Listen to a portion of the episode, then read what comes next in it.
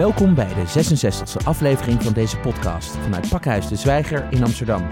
Mijn naam is Maurice Seleki en ik spreek met sociaal ondernemer, oprichter van Easy Solutions en winnaar van de Nieuw Amsterdamprijs 2019, Dionne Abdul Haviskan.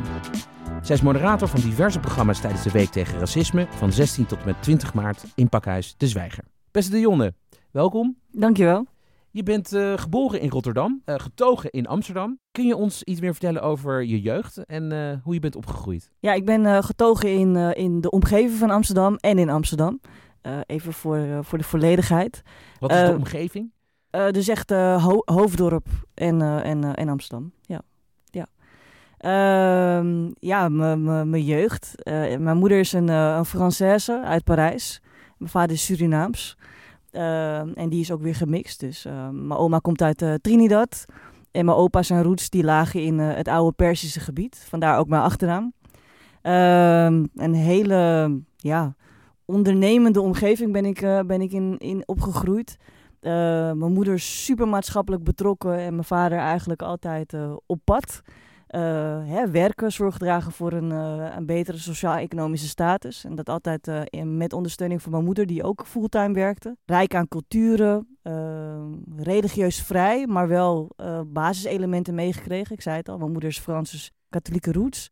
En mijn vader heeft dus een islamitische achtergrond, maar het hele spirituele, wat in Suriname eigenlijk ook wel nou ja, vanzelfsprekend is, is bij ons ook echt meege, meegegeven. Dus heel cultureel eigenlijk, niet religieus, maar cultureel. Broers, zussen? Ik heb een broertje, Kenneth, drie jaar jonger. Ja, en welke taal spraken jullie dan thuis? Frans? Of, uh... Nee, Nederlands. Nederlands was gewoon uh, de voertaal. Uh, en eh, mijn vader sprak alleen Surinaams wanneer hij boos, was. uh, ja, in die tijd was het, uh, was het uh, brutaal als je Surinaams sprak tegen je ouders. dat heeft een beetje te maken met een stukje koloniaal slavernijverleden. Oké, okay. je bent vanuit, dus dat, daar, daarom vroegen we dit natuurlijk ook, van in wat voor gezin ben je opgegroeid.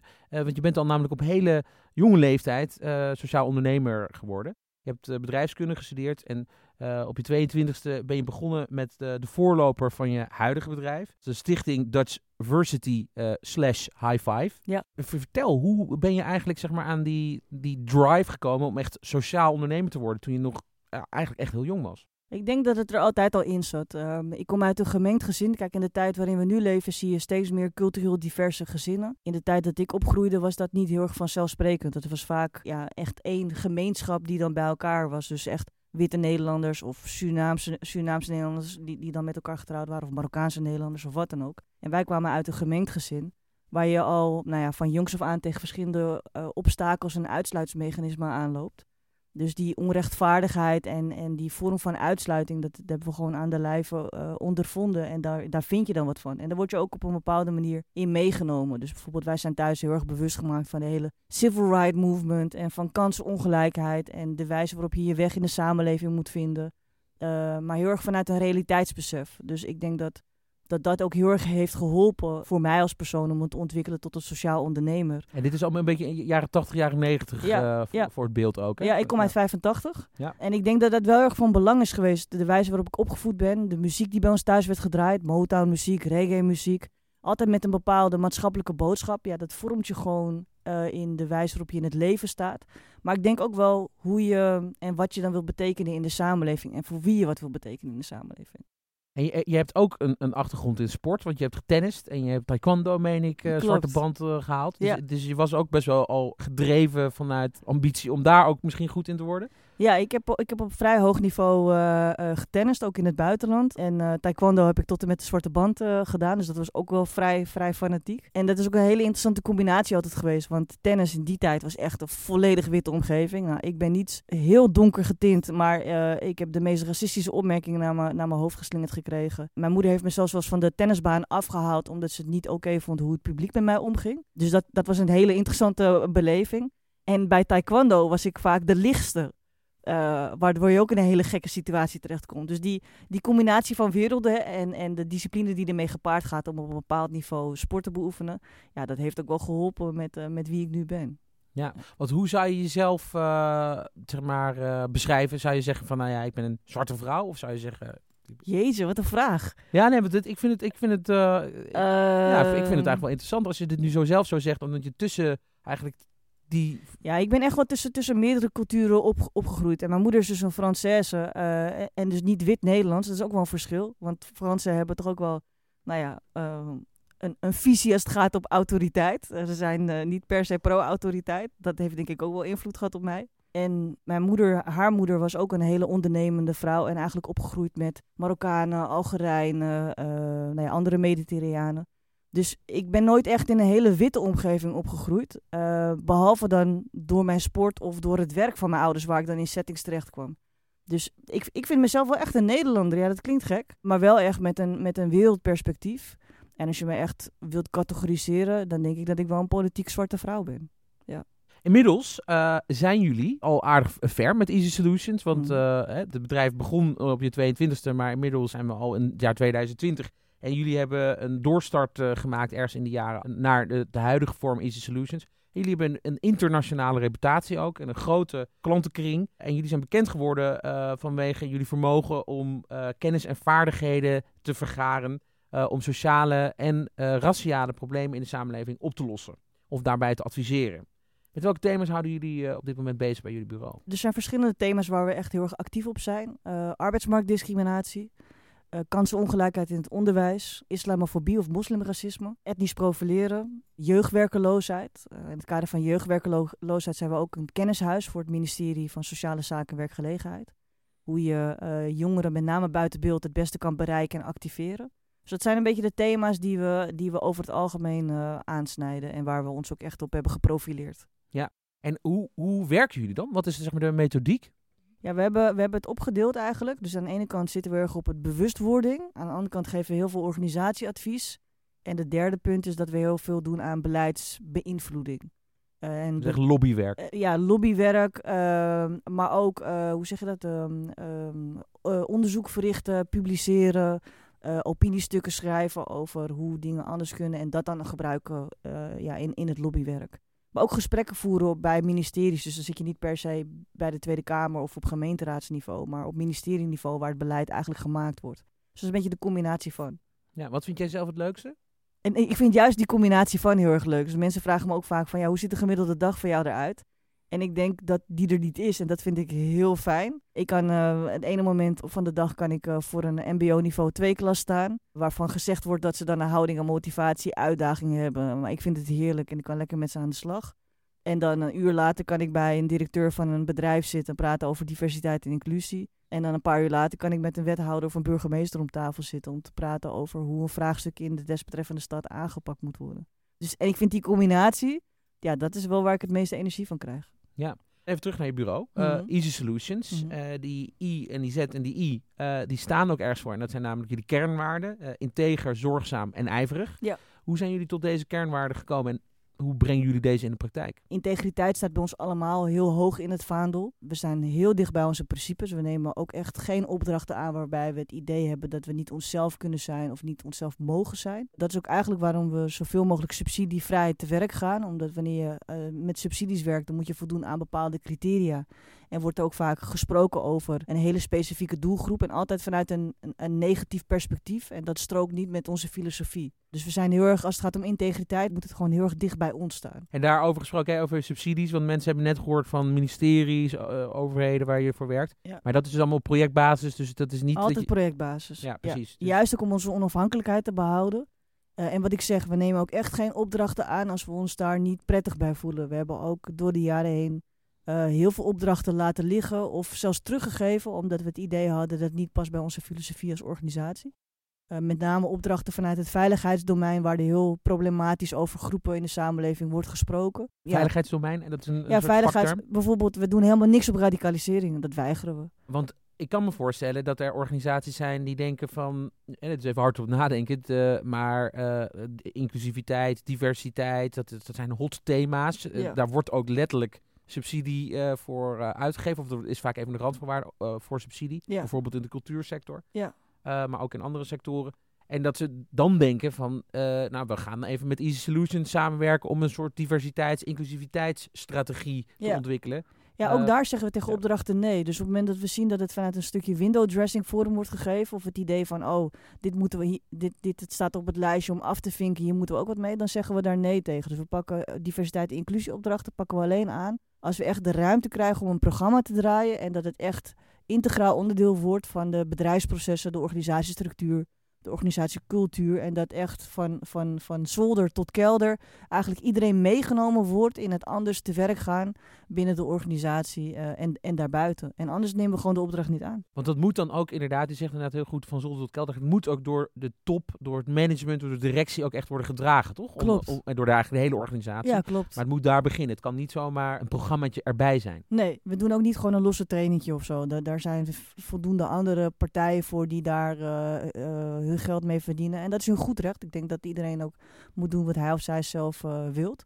Eh, maar wij hebben er echt voor gekozen om alleen eh, echt programma's te draaien. Zodat we ook zeker weten dat die verandering die wij voor ogen hebben... ook echt beklijft binnen de organisatie en bij de, bij de medewerkers. Ja, en structureel wordt. Ja. dus bijvoorbeeld bij de gemeente Amsterdam, om dan het heel praktisch te maken, doen we al bijna vier jaar nu, zijn we het hele werving- en selectieproces diversiteit neutraal aan het maken. Dus dat je ook echt ervoor zorg draagt dat iedereen evenveel kans maakt eh, om op een vacature te, te reageren. En dat de vacature ook zo omschreven is dat een ieder zich ook daartoe eh, aangetrokken voelt. Met behoud van eh, de benodigde competenties natuurlijk. Wat vind je dan bijvoorbeeld van positieve discriminatie? in de tijd waarin we nu leven, valt of staat het allemaal met de, de wijze waarop het ingestoken wordt.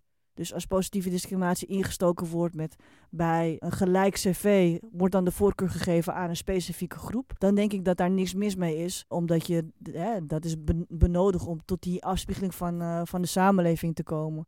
Op het moment dat er groepen extra geworven worden terwijl ze niet de juiste competenties eh, over de juiste competenties beheersen, dan zie je dat het onvoldoende eh beklijft binnen de organisatie, dat er weerstand komt binnen de organisatie en dat het ook niet ten goede komt van die persoon of personen in kwestie. En dan creëer je een soort van draaideureffect. En dan ben ik echt tegen positieve discriminatie. En een quotum? Vind ik heel lastig. Persoonlijk geef ik er niet de voorkeur aan, maar het heeft meer te maken met hoe iedereen eromheen reageert. Je ziet bijvoorbeeld dat eh, organisaties die een vrouwenquotum hebben, dat die vrouwen dan ook echt benadeld worden op de werkvloer en dat er ook ze onvoldoende serieus worden genomen en Het werkt tegen eh, hen Het dan. werkt dan tegen hen in plaats van dat het in hun voordeel werkt. Maar dat valt of staat ook helemaal met de wijze hoe, hoe de organisatie ingericht is en of het inclusief genoeg vormgegeven is. En, en daar schort het natuurlijk ook aan. Het is een instrument wat misschien nodig is, maar er zijn wel andere randvoorwaarden die erbij gepaard gaat om het ook tot een succes te maken. Jij bent eh, een, een kritische gesprekspartner, of Easy Solutions is vaak een kritische gesprekspartner. Eh, bijvoorbeeld van eh, gemeenten, scholen, de politie, de Europese Commissie, maar ook van de minister-president en zelfs de koning. Nou, heel indrukwekkend eigenlijk, hè, als je met zoveel mensen aan tafel kan zitten en, en dan ook nog kritisch kan zijn. Hoe gaat dat in zijn werk? Hoe kan je een kritische gesprekspartner van bijvoorbeeld de koning zijn? Het is niet dat we wekelijks bij de koning eh, op bezoek zijn. Eén keer zijn we benaderd door de koning. Volgens mij was het toen de burgemeester van der Laan. eh, om onze visie te geven op maatschappelijke eh, uitdagingen en vraagstukken in de samenleving. En daar hebben we gewoon ja, op een hele ja, easy manier zeg maar, onze visie gedeeld. En dat was op het paleis? Of... nee, we hadden geregeld dat het bij No Limit was in, in Amsterdam Zuidoost. Ah. Ja, en ook gezorgd dat niet alleen wij aan tafel zaten, want wij waren Van uitgenodigd. Angelo Bromet. Van eh, Angelo Bromet, ja. We hebben ook toen gezorgd dat Angelo Bromet ook aan tafel zat. En we hebben ook een aantal andere sleutelfiguren uit de buurt erbij gehaald om eh, over eh, ja, hun vraagstuk of expertise ook hun kennis te delen. Dus dat is onze manier van doen, is altijd om niet alleen aan tafel te zitten, maar ook zorg te dragen dat de juiste mensen aan tafel zitten. En bij de minister-president hebben we een paar keer om tafel gezeten. en die is ook bij, een paar keer bij, bij verschillende bijeenkomsten van ons geweest. En dat heeft dan heel erg te maken met het desbetreffende actualiteit. Dus bijvoorbeeld rondom de Turks-Nederlandse kwestie dat er onderzoeken gepubliceerd waren die eh, achteraf gezien eh, nou ja, super problematisch waren en zelfs incorrect. Ja, daar kunnen we dan echt wel met elkaar een goed gesprek over voeren. Of arbeidsmarktdiscriminatie, of kansenongelijkheid in het onderwijs, of nou ja, andere vraagstukken. En jullie proberen dan ook tijdens zo'n gesprek eh, bepaalde expertise over te brengen. Maar hoe zorg je ervoor dat zo'n gesprekspartner daar dan iets mee doet? Zeg maar, hoe, hoe eh, kan je die verandering ook in het gesprek brengen? Ja, dus bijvoorbeeld toen in het gesprek met de koning, kort daarna zou dan ook, eh, was, het, was het Prinsjesdag en zou, hè, dan wordt dan die reden uitgevoerd. Dan proberen we ook echt wel invloed uit te oefenen op datgene wat dan gezegd wordt. En dan is het maar de vraag of hij dat ook overneemt. Maar ik denk dat het wel een mooie gelegenheid is om ook te benadrukken hoe belangrijk zo'n speech op Prinsjesdag is. En waar hij ons heel erg mee zou kunnen helpen om dat dan over het voetlicht te brengen. En dat doe je dan ook in gesprek met een minister of een, eh, een minister-president of met een burgemeester of een wethouder of een, een minister van een nou ja, bepaalde portefeuille. Je kijkt heel erg naar de verantwoordelijkheid en de rol die die persoon heeft. En hoe je daar dan uh, ja, ja, toch wel een soort van invloed op kan uitoefenen door kennis en expertise bij, bij te brengen. En vooral ook de noodzaak van de informatie die je op tafel legt. En ik denk dat wij daar heel erg in slagen, omdat we echt, we zijn niet onderdanig. Dat denk ik dat heel erg helpt. Misschien niet ten opzichte van de persoon in kwestie, maar voor ons in ieder geval wel. We stellen ons gewoon heel gelijkwaardig op. We denken ook dat we gelijkwaardig zijn. En we, we benadrukken gewoon onze ervaringen vanuit de praktijk, de resultaten uit verschillende onderzoeken. En die leggen we gewoon op tafel, waarbij we ook concrete handvatten geven hoe zij daar dan mee aan de slag kunnen gaan. Ik denk dat het weinig zin heeft om alleen maar kritisch te zijn en negatief te zijn en te zeggen je doet dit niet goed met een, met een vinger. Maar je moet denk ik ook handvatten geven hoe het dan wel zou kunnen of wat er voor benodigd is. En daar zijn we denk ik heel goed toe in staat. Hey, en dat zelfbewustzijn, dat lef van jou, zeg maar. Mhm. Eh, waar, waar komt dat vandaan? Ja, jeetje. Ja, dat heeft denk ik met mijn opvoeding te maken. Uh, ja, je weet niet wat de dag van morgen brengt. Ik leef ook echt best wel bij de dag. Uh, en niemand is beter of slechter dan dat ik ben. Ik, ik zie ook echt iedereen als een volwaardig persoon. En zo ben ik gewoon opgevoed. Ik krijg ook wel eens compliment als ik bij een organisatie kom... dat ik dan met een receptionist of met een schoonmaker aan het praten ben. Uh, en dan denk ik bij mezelf, want het zegt echt meer over jou dan het over mij zegt. Want ja, waarom zou ik niet met hun praten? Snap je wat ik bedoel? En dat geldt voor een directeur ook. Je hebt heel vaak een directeur of een minister of, of, of iemand die dan tussen aanhalingstekens een hooggeplaatst plaats heeft in de samenleving. En, en daar komt dan meteen een bepaalde, bepaalde autoriteit gaat daarmee gepaard. En ik denk alleen maar bij mezelf, ja, jij moet ook naar het toilet, net zoals ik. Dus ja, weet je wel, laten we gewoon normaal met elkaar doen. En ik denk dat dat normaal met elkaar doen, ja, dat is iets waar ik echt mee opgevoed ben. Uh, en wat misschien andere mensen in de samenleving niet per se uh, ja, zo ernaar kijken. Is binnen onze organisatie trouwens ook zo. We hebben helemaal geen, als je onze visitekaartjes ziet, daar staat niet een functie op. We zijn een platte organisatie. We zijn een platte organisatie. Ik ben gewoon Dion. En, en ik heb ook, directeur Dion. Nee, ik heb ook helemaal geen zin om op die manier te positioneren of voor te stellen. Uh, ja. Als je me dan opeens anders gaat behandelen, dan, dan, krijg ik daar, ja, krijg ik, dan ga ik daarvan in de weerstand.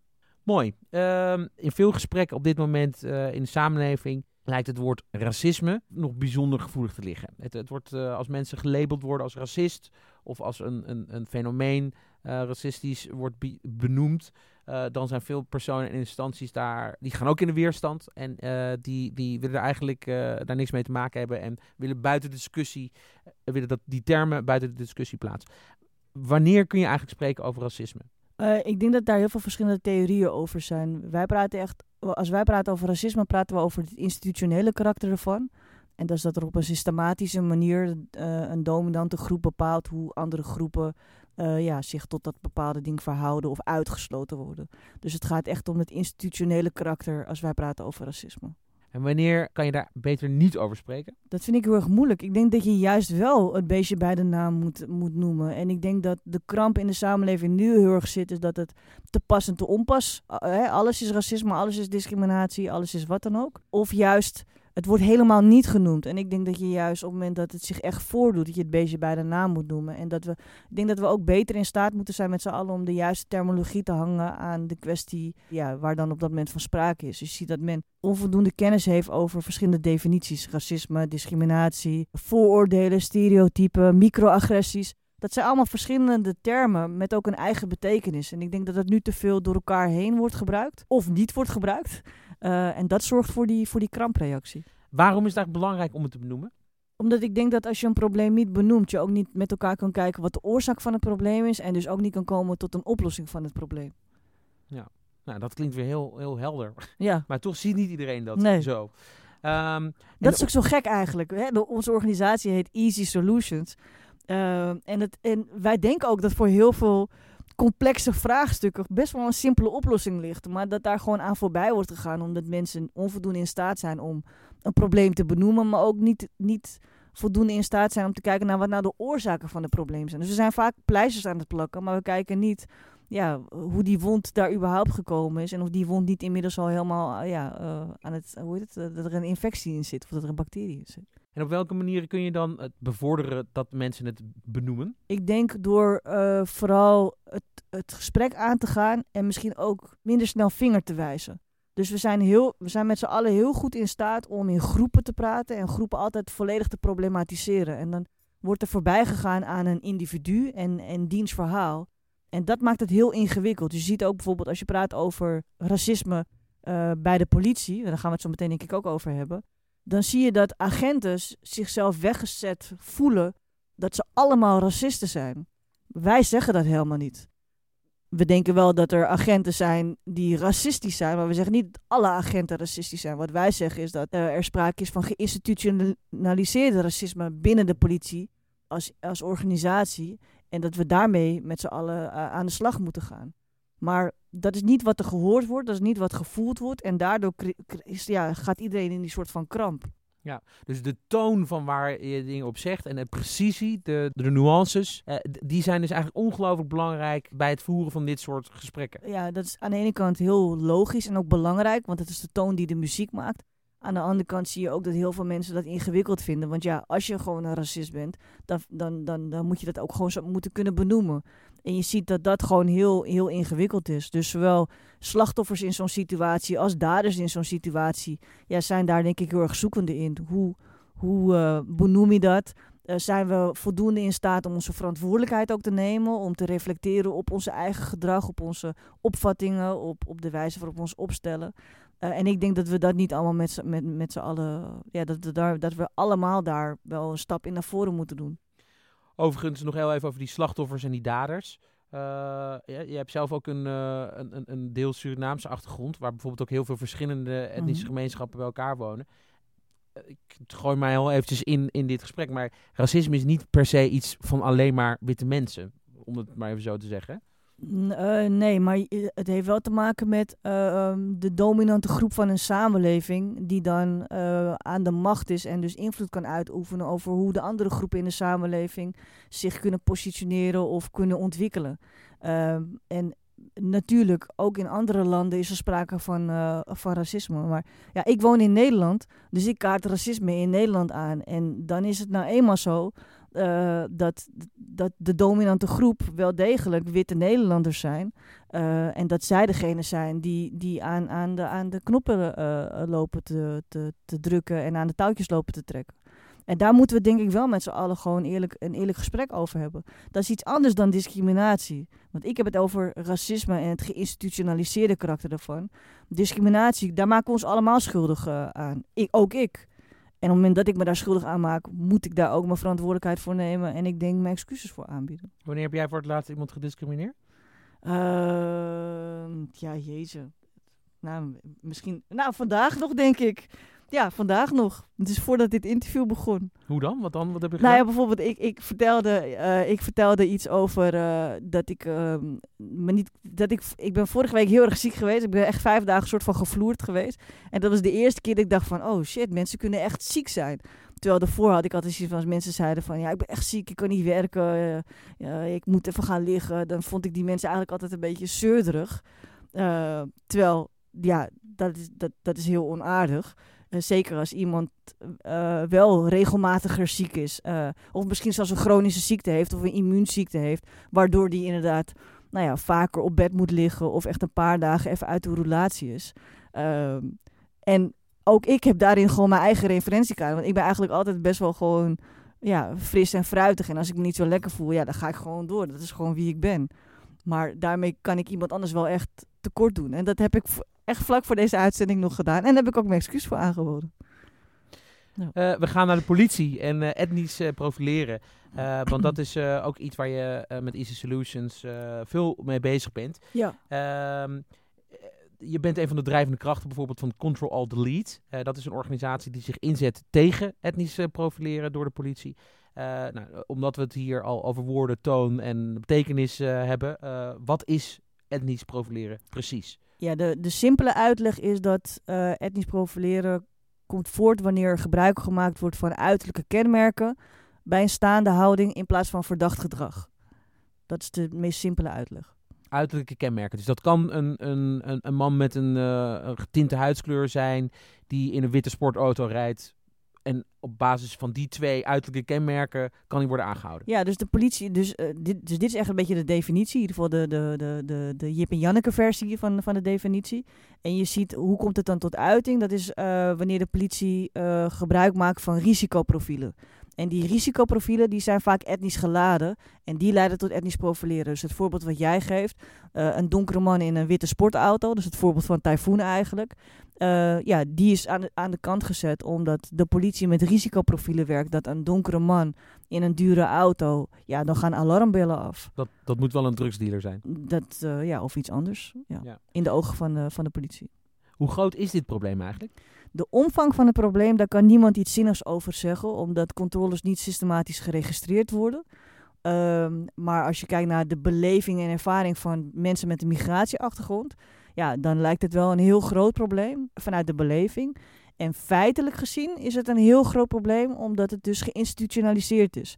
Dus wethandhavers werken met risicoprofielen die etnisch geladen zijn en die leiden te alle tijden tot etnisch profileren. En die risicoprofielen die etnisch geladen zijn, dat zijn eigenlijk een soort van stereotyperingen, zeg maar, die de politie gebruikt om bepaalde groepen mensen te klassificeren. Zo klopt. ja, klopt. Dus er ja. zit echt een verschil in om het simpel te maken. Je hebt een dadersignalement en je hebt een daderprofiel, van risicoprofiel. Een dadersignalement is uh, er is zo even een bank overvallen uh, door iemand met een, een zwart pak, een zwarte bril, zwart haar en een lichte huidskleur. Dan kan het. Dat mag. Dan mag je uiterlijke kenmerken gebruiken, want er is net een strafbaar feit gepleegd en je wilt het oplossen. Dan praat je over een dadersignalement. Een daderprofiel, of een risicoprofiel, dat is dat wij uh, vooringenomen beelden hebben over iemand die mogelijkerwijs een strafbaar feit zou kunnen gaan plegen. Een bias. Dat is sowieso een bias, ja. Dionne, uh, geïnstitutionaliseerd uh, racisme binnen de politie. Uh, waar verwijst dan dat geïnstitutionaliseerd naar? Het zit hem in het beleid en instructies van de politie. En eigenlijk niet meer in beleid, bij de politie in ieder geval. Want sinds 2017 heeft de politie hun beleid aangepast. Na heel veel gesprekken met ons en wij hebben daar ook invloed op kunnen uitoefenen. Ze hebben een nieuw handelingskader proactief controleren. En in dat nieuwe beleid mag uh, bijvoorbeeld uh, oververtegenwoordiging in de misdaadstatistieken mag geen argument meer zijn. Dus die risicoprofielen die etnisch geladen zijn, die mogen officieel eigenlijk niet meer gebruikt worden. Maar hè, beleid is één ding, supergoed, we hebben daar succes geboekt. Je ziet alleen in de praktijk dat het nog niet tot uiting komt. Dus dat beleid is en nog niet overal geïmplementeerd. En agenten houden zich niet aan dat nieuwe beleid. Ja. Uh, en dan zie je, ja, dan kom je een beetje op een soort van uh, scheidslijn te zitten. Je hebt aan de ene kant dan nog steeds de instructies die, die, uh, die leiden tot etnisch profileren. En je hebt uiteraard te alle tijden ook individuele opvattingen van agenten ja, die, die, die racistisch zijn. Er zijn ook andere stereotyperingen en misschien ook wel risicoprofielen. Bijvoorbeeld uh, de term tokkies ja. uh, en NAVO's. Misschien ja. kan je ons daar even in meenemen. Wat, wat, wat, ja, waar, waar, gaat dit over? De, de politie gebruikt termen zoals tokkies, eencellige. En daarmee hebben ze dan vaak over uh, witte Nederlanders die bijvoorbeeld op kampen wonen. Ja, want ook daar wordt heel stigmatiserend over gesproken. Maar er wordt ook stigmatiserend gesproken over motorrijders. Um, en uh, NATOS, dat is een term die bij de politie veelvoudig gebruikt wordt. En de afkorting staat voor uh, Noord-Afrikaanse teringleiers op sportschoenen. Um, maar ze hebben ook termen voor bijvoorbeeld een wapenstok. Uh, dus, het, hoe heet het nou? MURP, Marokkaanse uitroeiknuppel. Nou ja, dat zijn allemaal. Ze hebben gewoon termen. En, en, dat, en dat is dus ook de uitdaging bij bijvoorbeeld de politie je ziet dat het geen inclusieve organisatie is. Dat de taal die gebezigd wordt op de werkvloer ook tot uiting komt in de wijze waarop ze hun controles uitoefenen. Uh, maar ook hoe ze met collega's omgaan. Uh, in Rotterdam bijvoorbeeld voelen agenten voelen zich vaker gepest en gediscrimineerd dan een gemiddelde scholier.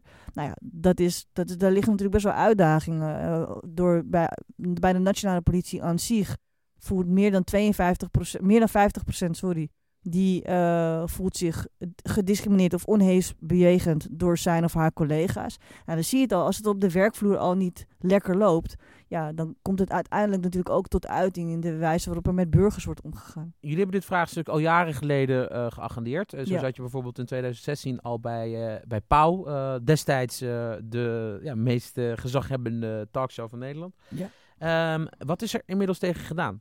Nou, in 2017 heb- heeft de, nationale politie dus tot, is tot dat nieuwe beleid gekomen. Ik denk dat het echt een heel groot succes is.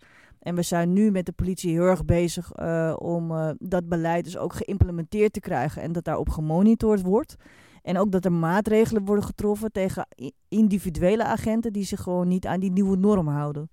Eh, dus daar, daar zijn we heel erg druk mee bezig. Ehm, Jullie hebben ook een docu gemaakt, verdacht. ja, we hebben eh, samengewerkt met een documentairemaker. Dus het is niet onze eigen docu, maar het is een, we hebben samengewerkt eh, met Nander Hoosens. En die documentaire, dat is ook wel heel erg tof. Want daar hebben veertien geïnterviewden. Die hebben hun verhaal recht op, in de camera verteld. En dan ging dan heel erg over de staande houding die, die het meeste impact op hun heeft achtergelaten.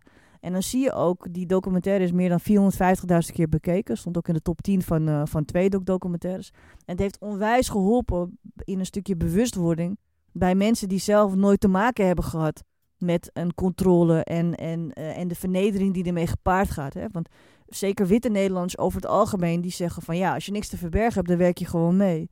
Maar als dat niet één keer plaatsvindt, maar meerdere malen, en als dat ook nog een keertje op een hele vernederende manier plaatsvindt, want je wordt als een crimineel gezien en behandeld, ja, dan doet dat heel erg wat met je zelfbeeld en met de manier waarop je ook naar de samenleving kijkt. En ik denk dat die documentaire een hele mooie eh, ja, vorm is om mensen daarin mee te nemen. Want die impact van ongelijke behandeling. Nou, ja, we doen heel veel bij de politie. En, eh, maar het geldt niet alleen bij de politie. Het, het geldt echt op wethandhaversniveau. Je hebt ook nieuws. eh. Want eh, hè, we maken deze podcast op een vrijdag, 28 februari.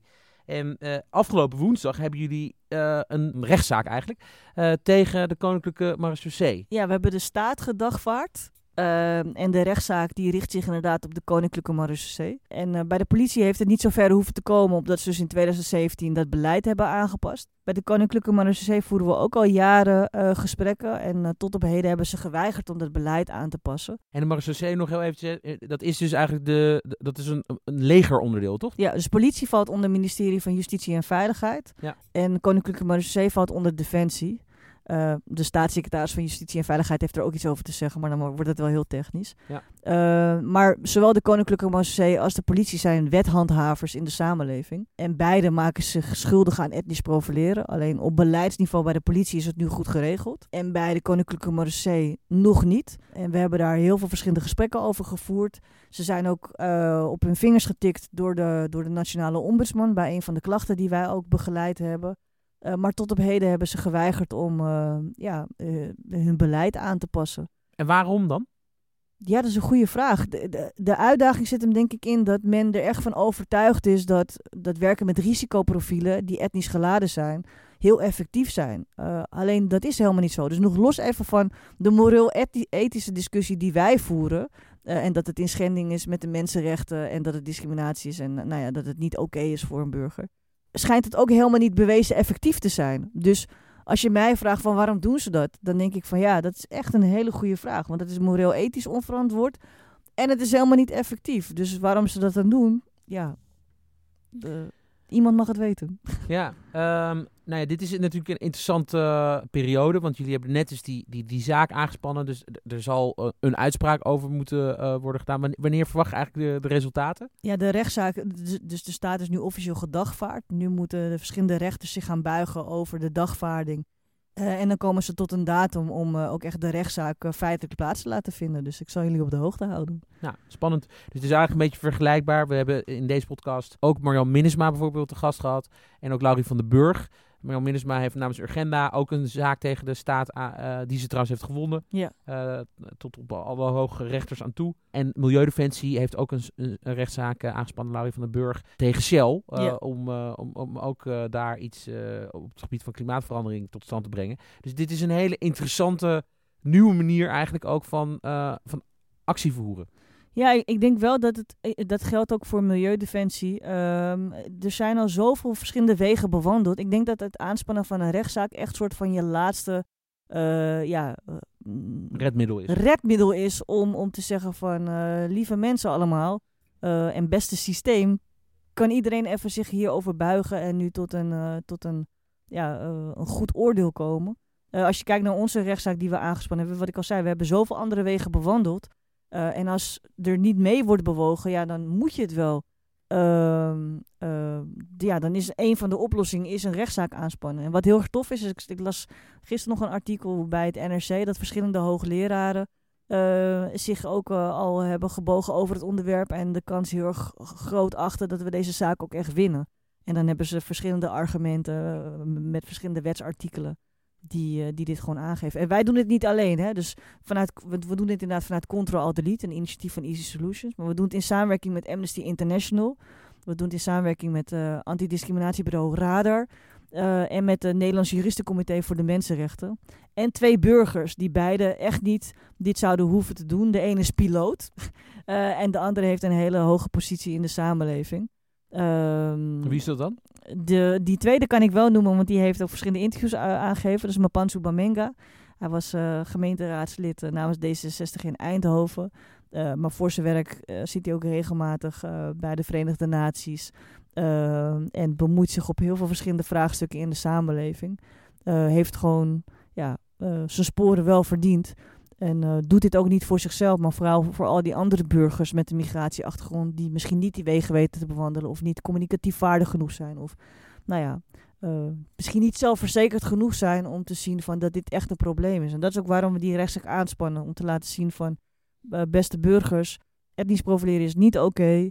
Voel je gesterkt door al deze mensenrechtenorganisaties en maatschappelijke organisaties die je gewoon uh, ja, hierin kunnen ondersteunen. En daarin nemen jullie trouwens ook mee, dus dat die tokkies, om het maar even zo te zeggen, die dan zo geclassificeerd worden binnen de politie, dat die, dat, die, dat, dat ook niet oké okay is. Alle, alle risicoprofielen die, die etnisch geladen zijn of waar uiterlijke kenmerken in de boventoon voeren, dat is gewoon niet oké. Okay. Je moet gewoon afgaan op verdacht gedrag.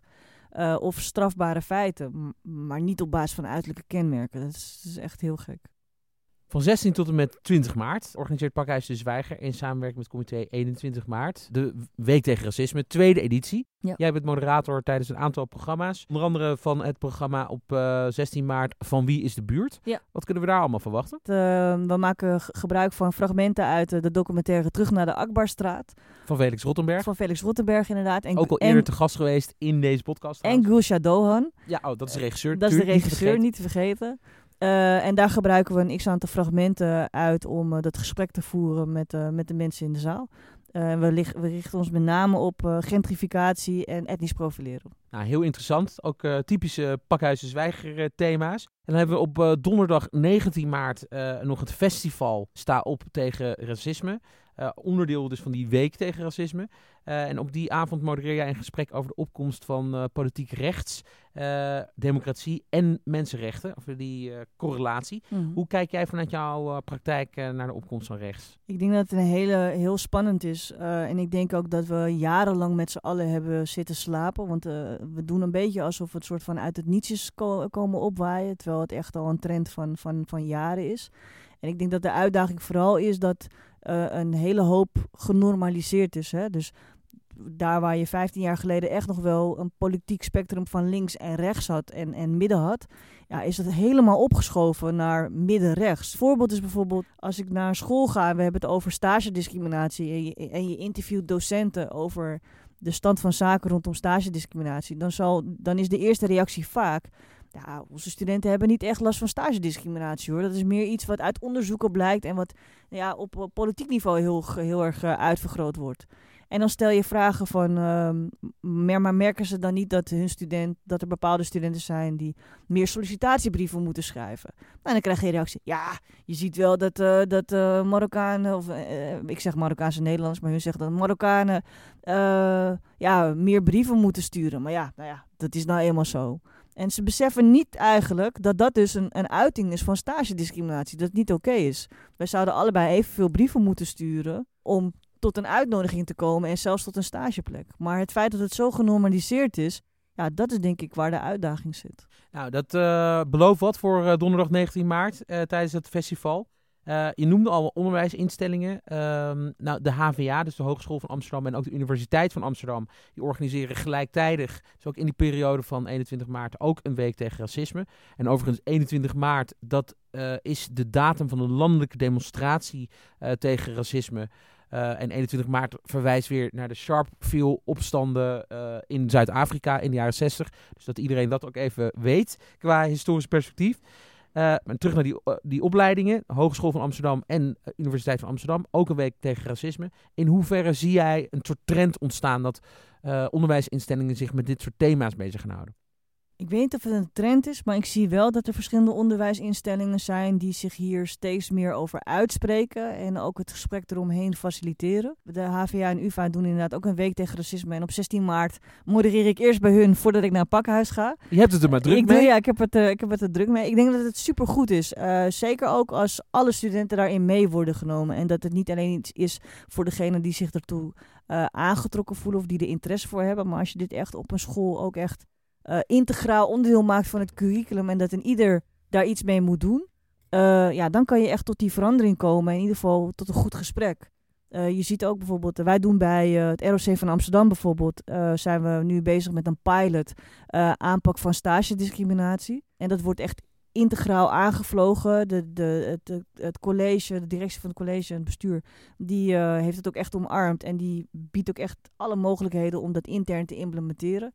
Ik denk dat, als, ik denk dat het een heel goede zaak is. Kijk, de politiek moet zijn verantwoordelijkheid nemen. Maar ik denk ook dat organisaties of onderwijsinstellingen meer en meer hun verantwoordelijkheid moeten nemen om ervoor zorg te dragen dat uh, al hun medewerkers of studenten of burgers ja, uh, als volwaardig worden gezien en gelijke kansen krijgen. Want dat is nu niet zo. Tot slot, als jij zou mogen afsluiten, ook in het kader van die week tegen racisme, is er een soort van oproep uh, of een laatste boodschap die je mee wil geven aan onze luisteraars? Ik denk twee dingen. Voor de luisteraars van deze podcast zou ik zeggen: alle programma's van Pakhuis de Zwijger zijn gratis. En het is een kleine moeite om een financiële bijdrage te doen. Ik weet dat Pakhuis uh, vaak vergeet om aan het einde van, uh, van, een, van een evenement of een programma te zeggen: hey, lieve, lieve aanwezigen, jullie waren hier. Het is allemaal gratis, maar zou je misschien 5 of 10 euro willen doneren? Ik vind dat jullie jezelf daar echt in tekort doen. Dus, dus ik maak even gebruik van mijn ruimte om te zeggen: Vind je het belangrijk welke programma's Pakhuis maakt? Uh, doe dan ook die financiële bijdrage. is een kleine moeite, die 5 of 10 euro per maand. Dankjewel, we hebben dit helemaal niet afgesproken. Nee, dat dus weet dit ik. komt echt van jou. Ja, dit komt echt van mij. Maar ik vind echt dat jullie je daar zelf in tekort doen. En het is een kleine moeite. Uh, ja, dus dat. Uh, dat wilde ik gewoon even zeggen. Dank. alsjeblieft. en ehm, de, mijn boodschap is... Um, misschien, misschien heb ik wel een, een, beetje een ideologische boodschap. En dat is echt, zie jezelf als een individu en behandel een ander als een individu. Ik denk dat we echt af moeten van elkaar in hokjes plaatsen, over groepen spreken, uh, mensen over één kamp scheren. En dat gaat alle kanten op. Links, rechts, uh, hetero, uh, LHBTI, plus, zwart-wit. het gaat echt alle kanten op. Ik denk echt dat we met z'n allen veel meer in staat moeten zijn om iemand te zien als een individu. En ook te behandelen als een individu. En als we daartoe in staat zijn, dan wordt het denk ik met z'n allen echt wel een betere wereld. Heel veel dank en heel veel succes straks tijdens die week tegen racisme. En met al je activiteiten bij Easy Solutions. Dankjewel. Dionne. Beste luisteraars, dit was aflevering 66 van de podcastserie van Pakhuis de Zwijger. Meer weten over dit onderwerp? Kom dan naar de Week tegen Racisme in Pakhuis de Zwijger. Zie voor het uitgebreide programma van deze week www.dezwijger.nl slash week tegen racisme. Meer informatie over de andere programma's van Pakhuis de Zwijger is te vinden op www.dezwijger.nl. Een rating achterlaten of je abonneren op deze podcast kan via Soundcloud, iTunes, Spotify of een ander podcastplatform. Dank voor het luisteren en tot de volgende keer.